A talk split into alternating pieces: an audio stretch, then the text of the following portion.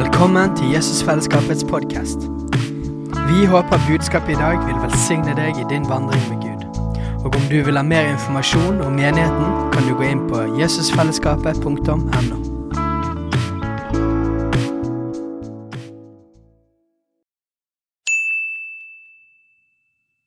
Hei! Visste du at Jesusfellesskapet starter en ny bibelskole til høsten?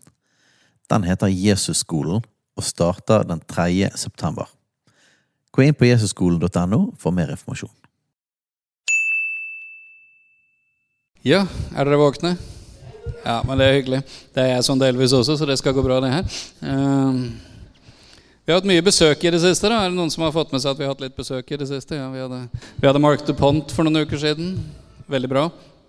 Mye ord i rette tid ting som ligger på Guds hjerte. Anbefaler å høre talene. De ligger ute på podkast. Og sist søndag var Rachel og Gordon Hickson her, som sagt. Veldig anbefalt å få med seg den forkynnelsen også, for de som ikke var her. Eller hvis du var her, så kan du gjerne høre den en gang til. Det skader ikke. Men mellom Mark og Rachel og Gordon så hadde vi en mer vanlig søndag. Da talte Alf Kåre om Guds ord og betydningen og viktigheten av Guds ord. Anbefaler veldig å høre det òg.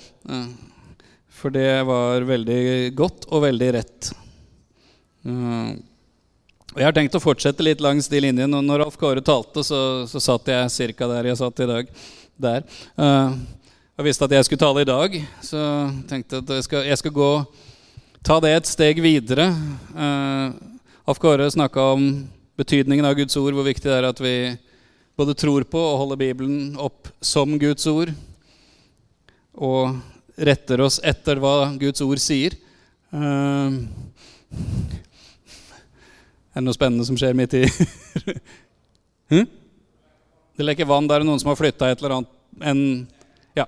Det er noen som har flytta en uh, bolle på loftet som skal stå og ta, ta imot.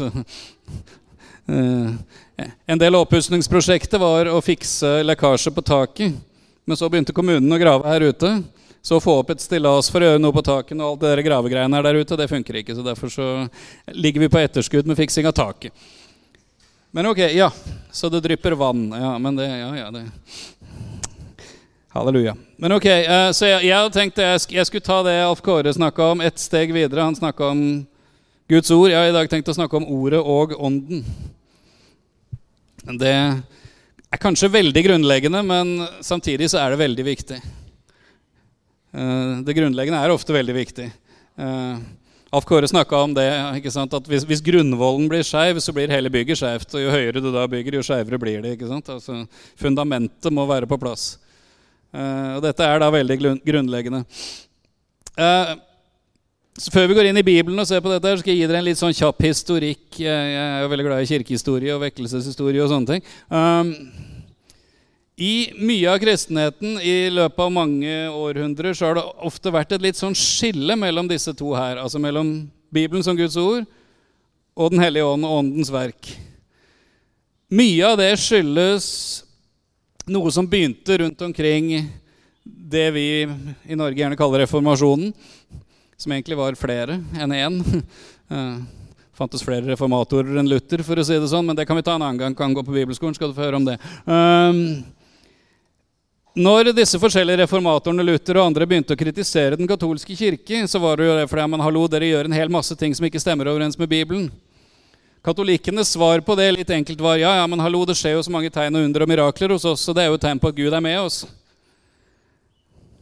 Og da må, måtte jo en del si nei, det, det er ikke nødvendigvis det. Og derfor så ble det i protestantisk kristendom veldig tidlig et sånt skille mellom vi må holde oss til Bibelen, men det der med tegn og under og helbredelser det er skumle greier, for det kan føre til svermeri, og vi kan komme på avveier. Så mange av reformatorene kasta barnet ut med badevannet. Fordi det var overdrivelser og feile ting. Ja, nei, da vil vi ikke ha noe med det å gjøre. Og så endte man opp med at man sa, og det er 100% rett, at Bibelen er Guds ord, og det er det eneste grunnlaget for både rett liv og rett lære. Det, det kan vi være enige om, kan vi ikke det? Ja. Fire av dere er enig i det. Det er bra. Da er vi på god, god vei. Uh, men det har ført til at uh, Såkalte bibeltro og konservative kristne i ca. 500 år har vært skeptiske til alt som har med Den hellige ånd å gjøre. Eh, det er liksom blitt en litt sånn, Hvis du er konservativ, da er du bibeltro, og da er du antikarismatisk. Da er du anti det som har med Den hellige ånd å gjøre. Og det gjør at da får vi frykt for svermeri og vranglære, og det blir en sånn jakt på alle som ikke passer inn i de rammene. Bare pass deg. Du kan bli forført, ikke sant? Eller for å sitere vår gode venn Mark de Ponta, en del kristne har større tro på djevelens evne til å forføre oss enn Guds evne til å lede oss. Og da har vi et problem. Fordi det er viktig at alt foregår innenfor sunne og trygge rammer. Det kan vi være enige om, kan vi ikke det? Sunne og trygge rammer. Spørsmålet er jo bare hvem setter rammene. Er det mine sunne og trygge rammer, eller er det Guds sunne og trygge rammer? For det kan være to helt forskjellige ting. Er det mine rammer ut fra hva jeg liker, for da føler jeg meg sunn og trygg? Eller er det de rammene Gud setter? For det kan være to helt forskjellige ting. Kan vi være enige om det òg? Ja. I Matteus kapittel 22 så kommer det noen sadukere til Jesus. Det var datidens liberale teologer. De trodde verken på engler eller demoner eller de dødes oppstandelse. eller sånne ting. Høres ut som en del andre mennesker i dag, men det skal vi ikke ta nå. Uh, men de kommer til Jesus og serverer han en historie for å prøve å fange han og sette han fast.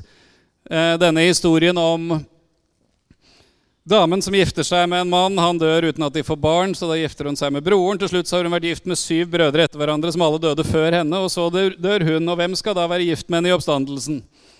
Ikke sant? er jo spørsmålet.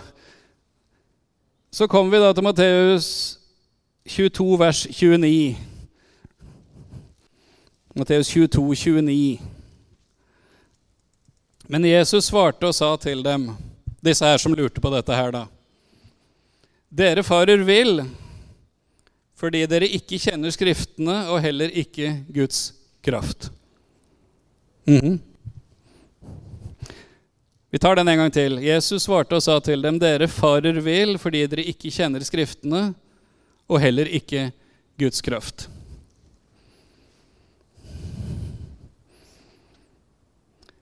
Så hva var det for noe? De kjente verken Skriftene, altså det vil jo da si Det gamle testamentet på den tiden, men nå tar vi med det nye òg. Og de kjente heller ikke Guds kraft. Derfor gikk de av sporet. Og fare vil vil jo si altså du går deg bort. Ikke sant? Hvis du er ute og går i skogen, og så går du deg bort, da har du fart vill. Hvis du lurte på det. Derav kommer også ordet villfarelse. Da er du altså på villspor. ikke sant? Hvorfor sier Jesus to ting? Dere kjenner ikke Skriftene, og dere kjenner ikke Guds kraft. Det vil altså si det er ikke nok bare med den ene. Du kan da altså faktisk fare vill selv om du kjenner Skriftene. Hæ? Skumle greier, dette her. Oi, oi, jeg kjenner, jeg kjenner hobbyteologen vibrerer i noen av dere. Og du kan fare vill hvis du bare kjenner Guds kraft. Mm. Det er mange flere som sier mm på den. Men begge deler. Du kan fare vill hvis du bare kjenner Skriftene, du kan fare vill hvis du bare kjenner Guds kraft. Et ordtak som funker veldig godt på amerikansk. Uh, if you only have the word, you dry up. If you only have the spirit, you blow up. But if you have both the word and the spirit, you grow up.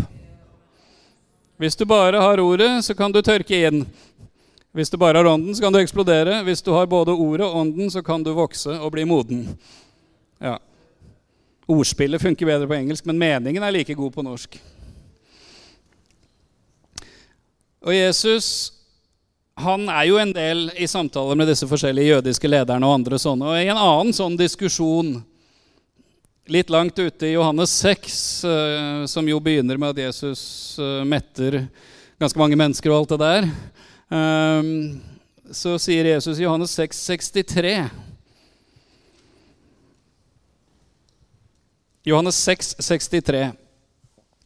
Det er Ånden som gjør levende. Kjødet gagner ikke noe. De ordene jeg har talt til dere, er ånd og liv. Mm -hmm. Hvem er det som gjør levende? Ånden, ja. Kjødet gagner ikke. Altså, kjødet, det menneskelige, menneskelig kraft, menneskelig intellekt, menneskelig overbevisningsevne. Hvor mye gagner det i, i møte med dette her? Ingenting. Det var ikke mye, altså. Det var ikke veldig mye. De ordene jeg har talt til dere, er sannheten. Ja, det er de. Men de ordene jeg har talt til dere, er ånd og liv. Ja, ok.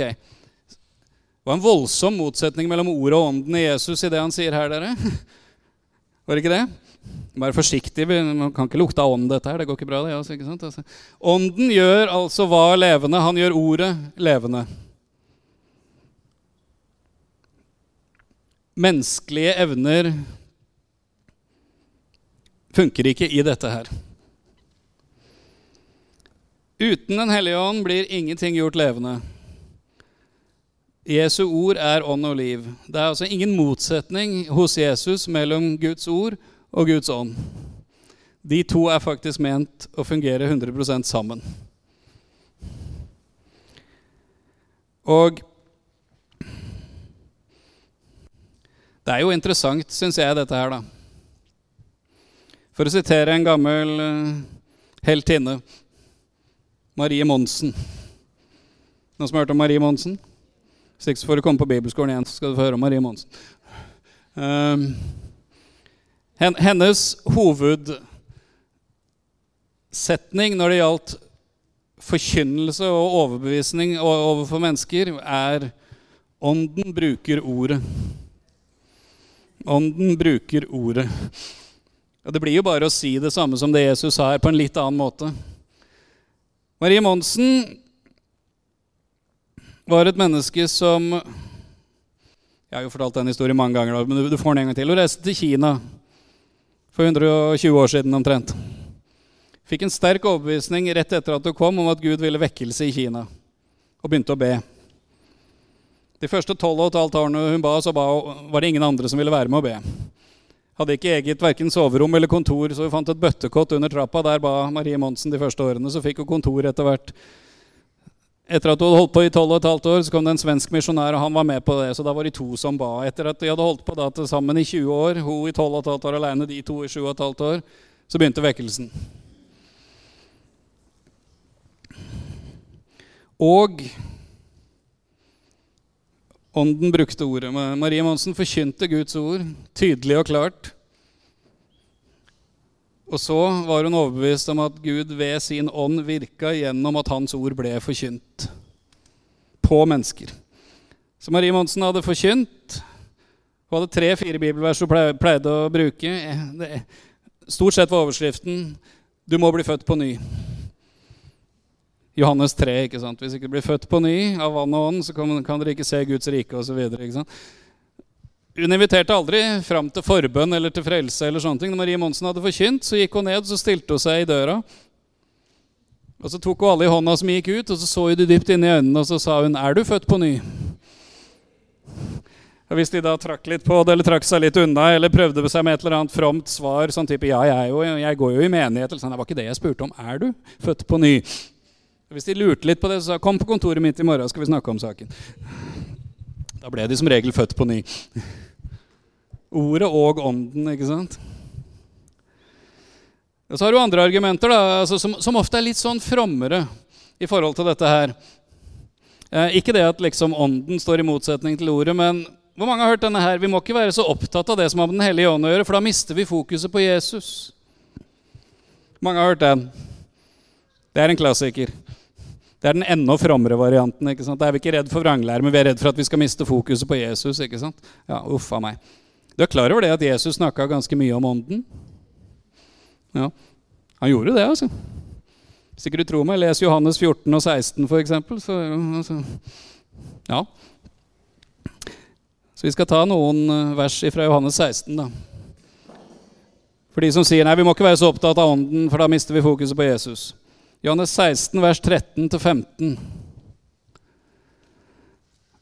Men når han kommer Johannes 16, 13-15. Men når han kommer, sannhetens ånd, skal han veilede dere til hele sannheten.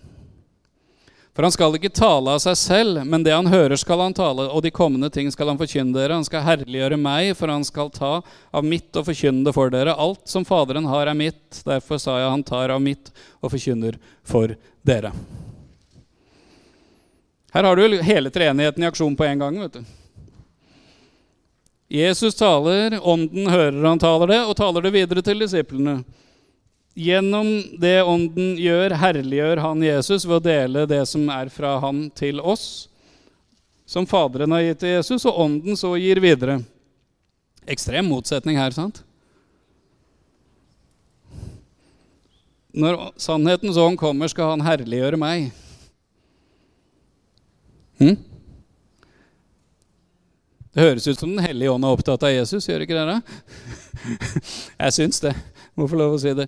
Det vil si Jeg tror ikke du skal være veldig redd for at hvis du blir opptatt av hva, hvem ånden er, og hva ånden gjør, at det skal bli for lite Jesus. altså. For hvis du virkelig slipper ånden til, så er en av hovedfunksjonene Den hellige ånd har, å herliggjøre Jesus. Mm -hmm. Og hvorfor er dette så viktig, kan du lure på, da. Bibelen er Guds ord. Er vi enige om det? Ja. Og Hvis ikke du er enig i det, kan du i hvert fall få lov å gå på bibelskolen. Skal vi ta det grundig. Uh, Bibelen er Guds ord.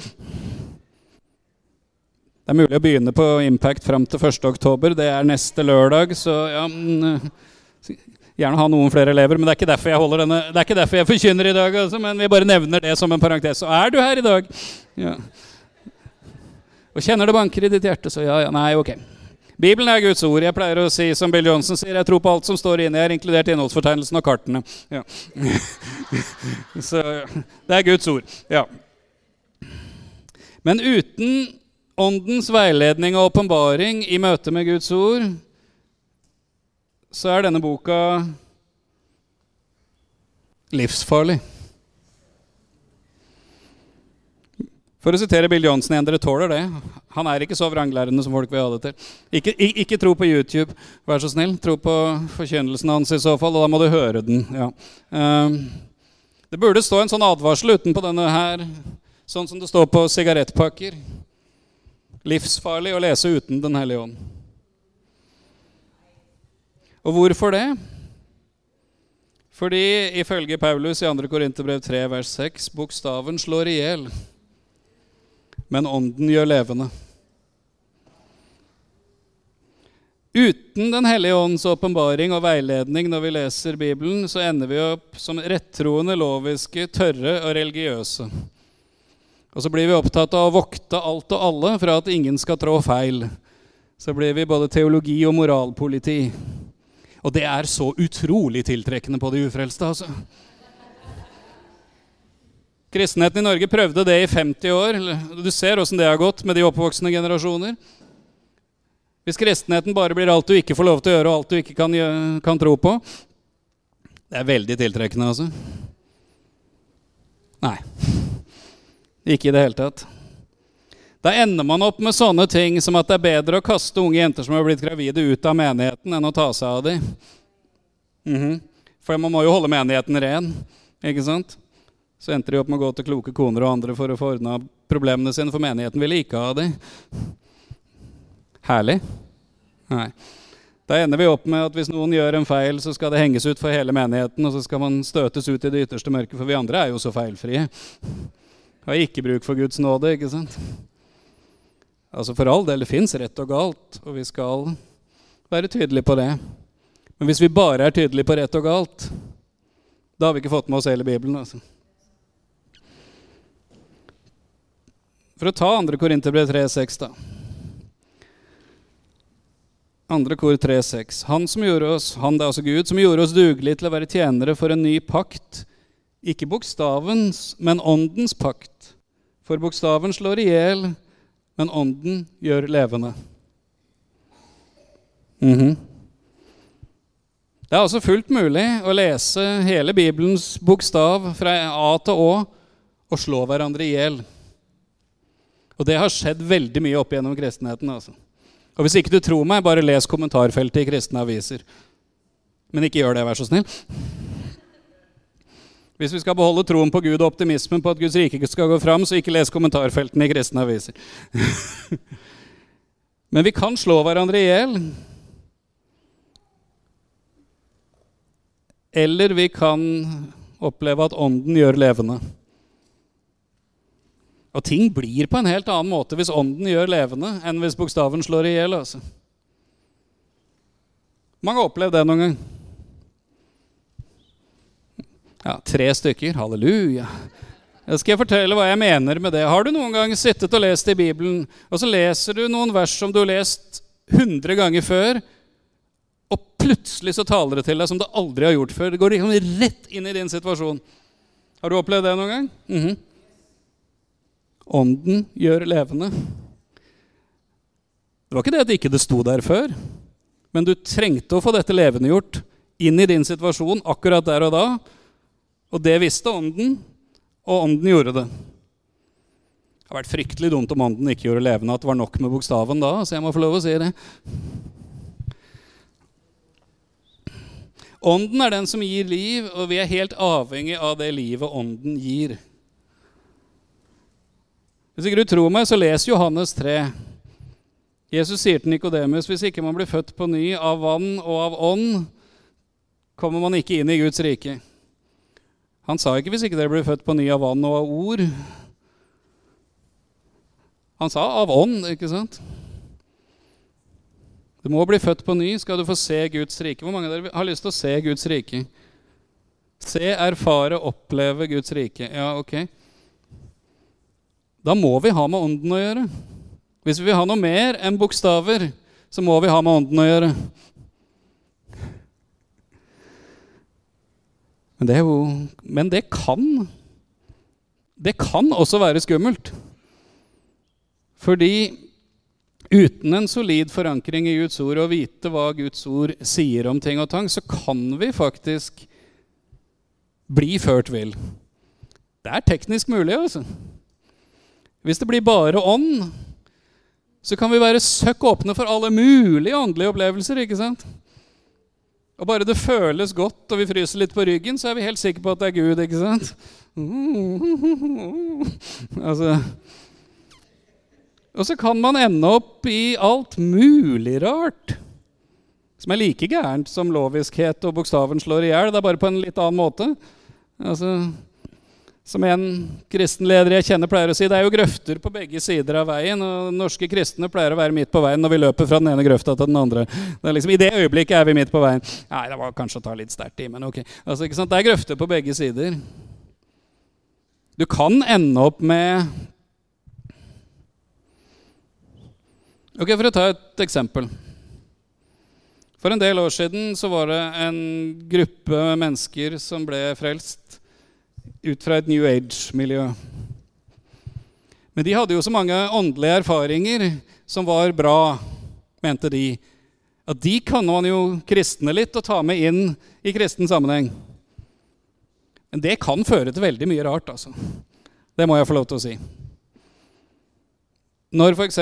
noen hørte på en åpenbaring som I de, disse siste tider så er det så tøft å stå i fronten i Guds rike og være kristen leder at en åndelig leder trenger ikke bare en kjødelig hustru, man trenger en åndelig hustru i tillegg.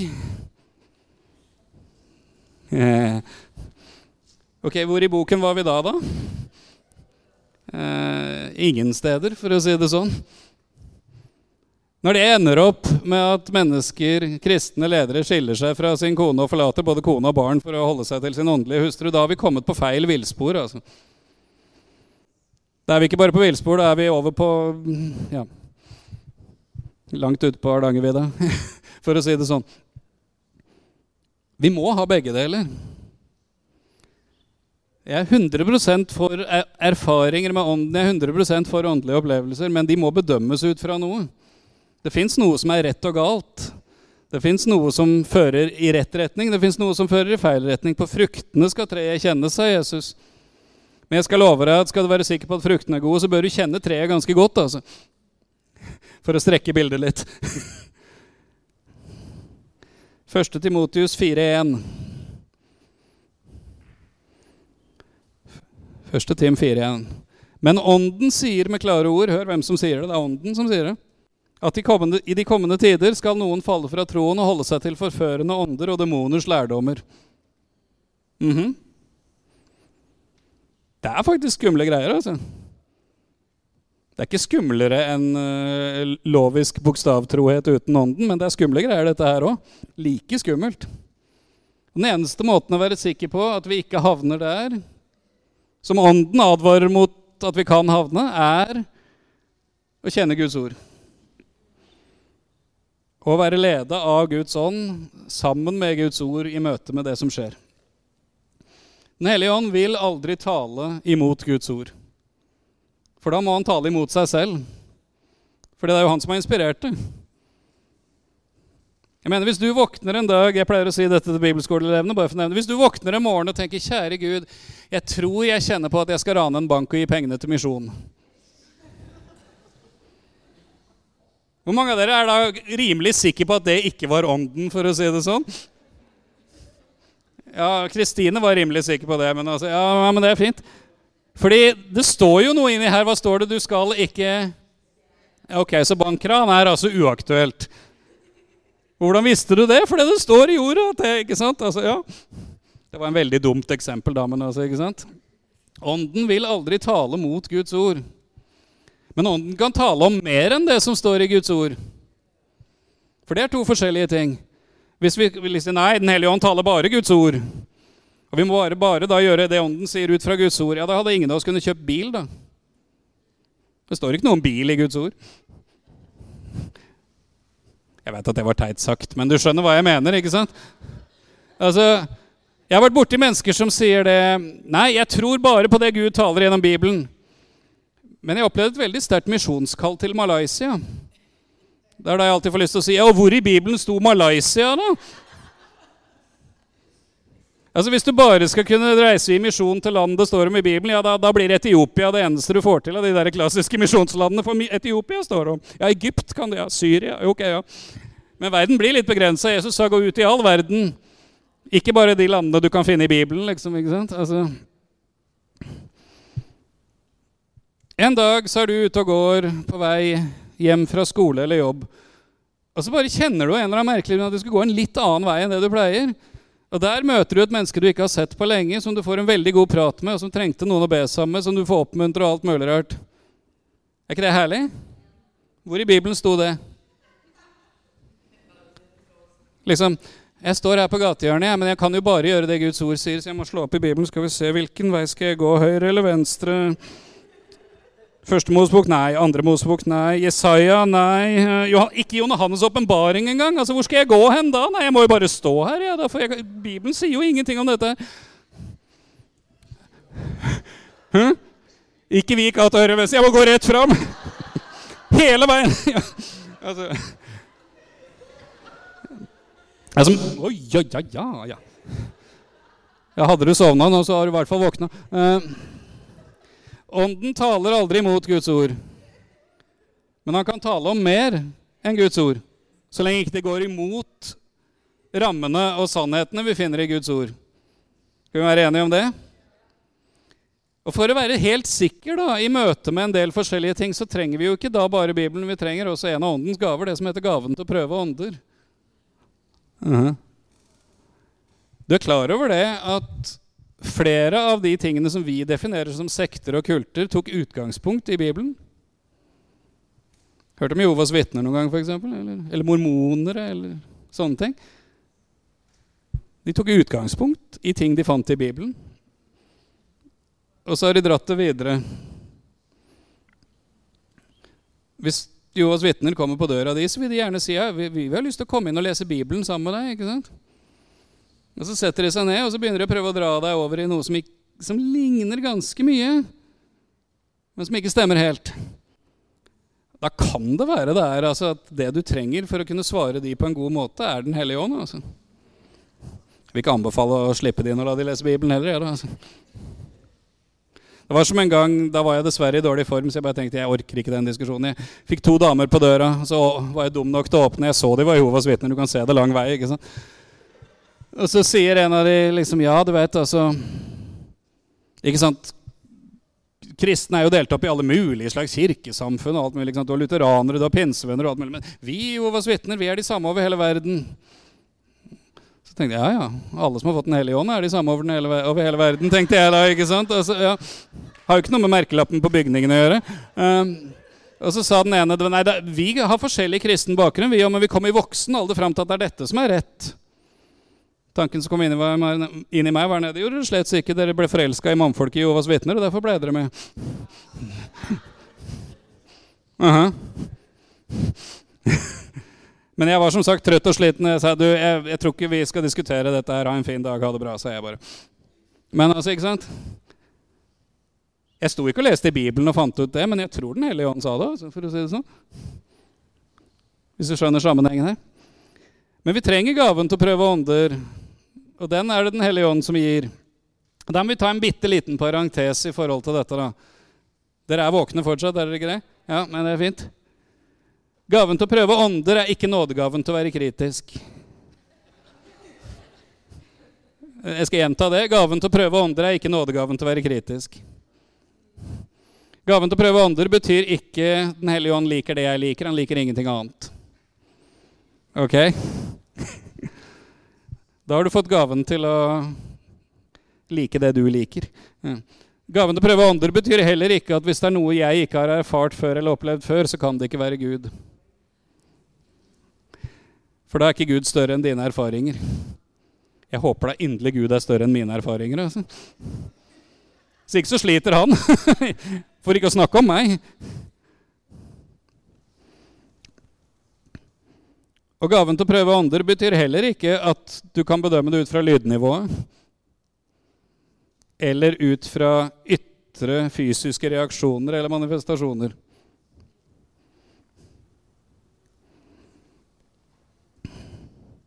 Gaven til å prøve ånder vil si at Den hellige ånd gir åpenbaring om hvem som er på ferde, og hva vi skal gjøre. Er det Gud? Er det ikke Gud? Hva er det som skjer her? Og hvordan skal vi håndtere det? Og den trenger vi. Men ikke bland den sammen med din, ditt smak og ditt behag, da. Ikke sant? Det blir omtrent som å hevde at den eneste musikkstilen som er åndelig, er sånn musikk som jeg liker. ikke sant? Mm -hmm. Skal ikke ta den akkurat nå, men altså ikke sant?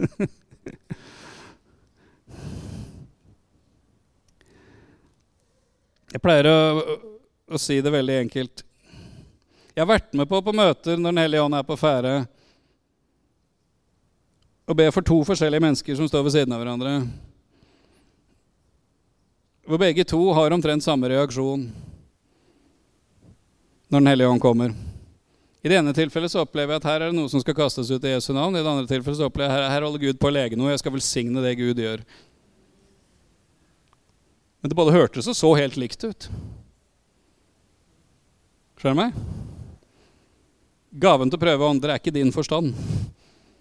Det er Åndens åpenbarelse inni deg, som vi trenger.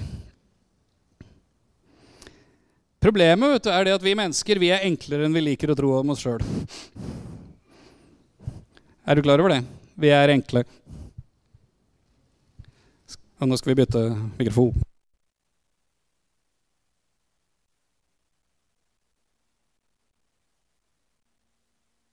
Derfor så liker vi også enkle løsninger.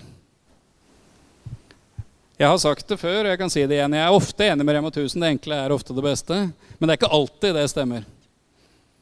For det enkleste er at alt er svart-hvitt. Alt er rett eller galt. Ferdig arbeid. Men i møte med Gud, som er uendelig mye større enn det vi er, så fungerer ikke alltid ting på den måten. Og Hvis du lurer på det, så kan du slå opp i Isaiah 55, og så skal vi lese vers 8 og 9.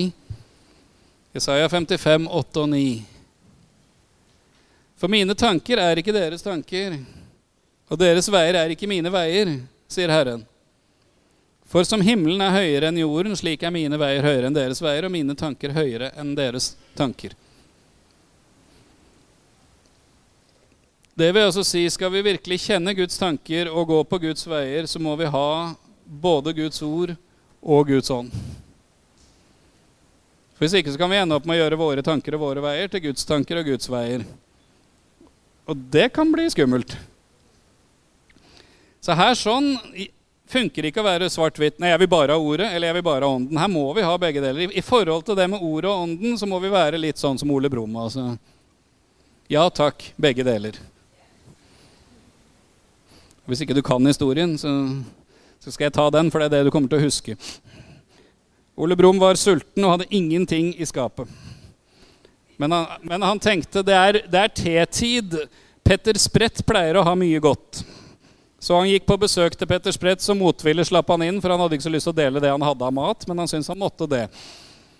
Og så setter da Petter Sprett fram og sier, 'Vil du ha honning eller melk til brødet?'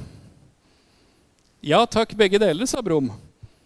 Men for å ikke virke grådig sa han, 'Du trenger ikke å gi meg brød'. det er hele historien, da. Men ja takk, begge deler. Ikke det, bare det ene, ikke bare det andre, men begge deler. Vi trenger Guds ord, og vi trenger Guds ånd. Og vi trenger at de virker sammen.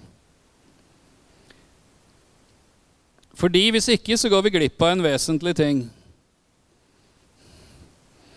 Hvor mange av dere liker tegn og under og helbredelser, og at Gud kommer og gjør ting? Ja, halleluja.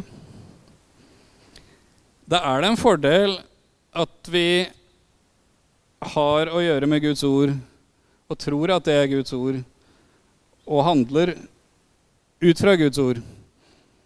For det står faktisk noe sånt i Skriften i slutten av Markus 16 som at og Herren virket med og stadfestet det ordet de forkynte, med de tegn som fulgte. Hva, hva stadfesta Gud? Det ordet de forkynte. Altså Hvis vi forkynner ting som stemmer overens med Guds ord, så kan vi handle på Guds ord, og så bekrefte Gud ved sin ånd sitt ord. Åndens gaver er ikke gitt for å bekrefte deg og meg. vet du. Selv om, det kan, selv om det kan føles veldig godt når Gud gjør gode ting gjennom oss. altså det er ikke det. Men de er jo gitt for å bekrefte hvem Gud er, og at Hans ord er sant, og at Han er her og ønsker å møte mennesker. Så vi må ha begge deler. Ja takk. Andre Tim 3, 16 og 17. Begynner vi å nærme oss slutten her. Andre Tim 3, 16 og 17. Hele Skriften er innåndet av Gud og nyttig til lærdom, til overbevisning, til rettledning, til opptukkelse i rettferdighet, for at Guds menneske skal være fullkomment satt i stand til all god gjerning. Ok. Så for å ta det litt enkelt Hvor mange av oss ønsker å være satt i stand til all god gjerning fullkomment? Ja. mhm. Hva trenger vi da? Vi trenger hele Skriften. Men vi trenger ikke bare hele Skriften, vi trenger hele Skriften fordi den er innåndet av Gud. Hva vil det si? Altså, den er pusta på av Gud. Og Da er vi tilbake i første Mosebok, skapelsen av mennesket. Gud formet Adam av jordens støv, så blåste han livets ånde inn i han, og han ble levende. ikke sant? Det bildet her. Guds ord er innblåst av Den hellige ånd. Derfor er det levende. Og derfor er det i stand til å gjøre disse tingene her. Ordet og ånden sammen virker dette i våre liv. Jeg må bare innrømme at for Jesusfellesskapet som menighet og som bevegelse så vil vi ha begge deler. Vi vil ha alt av Guds ord, men vi vil også ha alt av Guds ånd. Og vi vil at de to skal virke sammen. For det er eneste løsningen. Skal vi se mer enn det vi har opplevd til nå, men skal vi samtidig ikke havne ut på et eller annet villspor. Enten i bokstavtrelldom og loviskhet eller i et eller annet svermeri. Vi må ha Guds ord, og vi må ha Guds ånd. Amen. Hei, alle sammen. Det er Katrine og Steinar Lofnes her. Vi er hovedledere for Jesusfellesskapet. Så kjekt du har lyttet til denne podkasten. Har du forresten hørt noen av de andre podkastene våre? Ukens tale, Disippelskolen, Hyrdepodden, Kulturkrigen og Mammas hjerte. Du finner disse podkastene på Spotify, Apple Podkaster og på nettsiden vår jesusfellesskapet.no.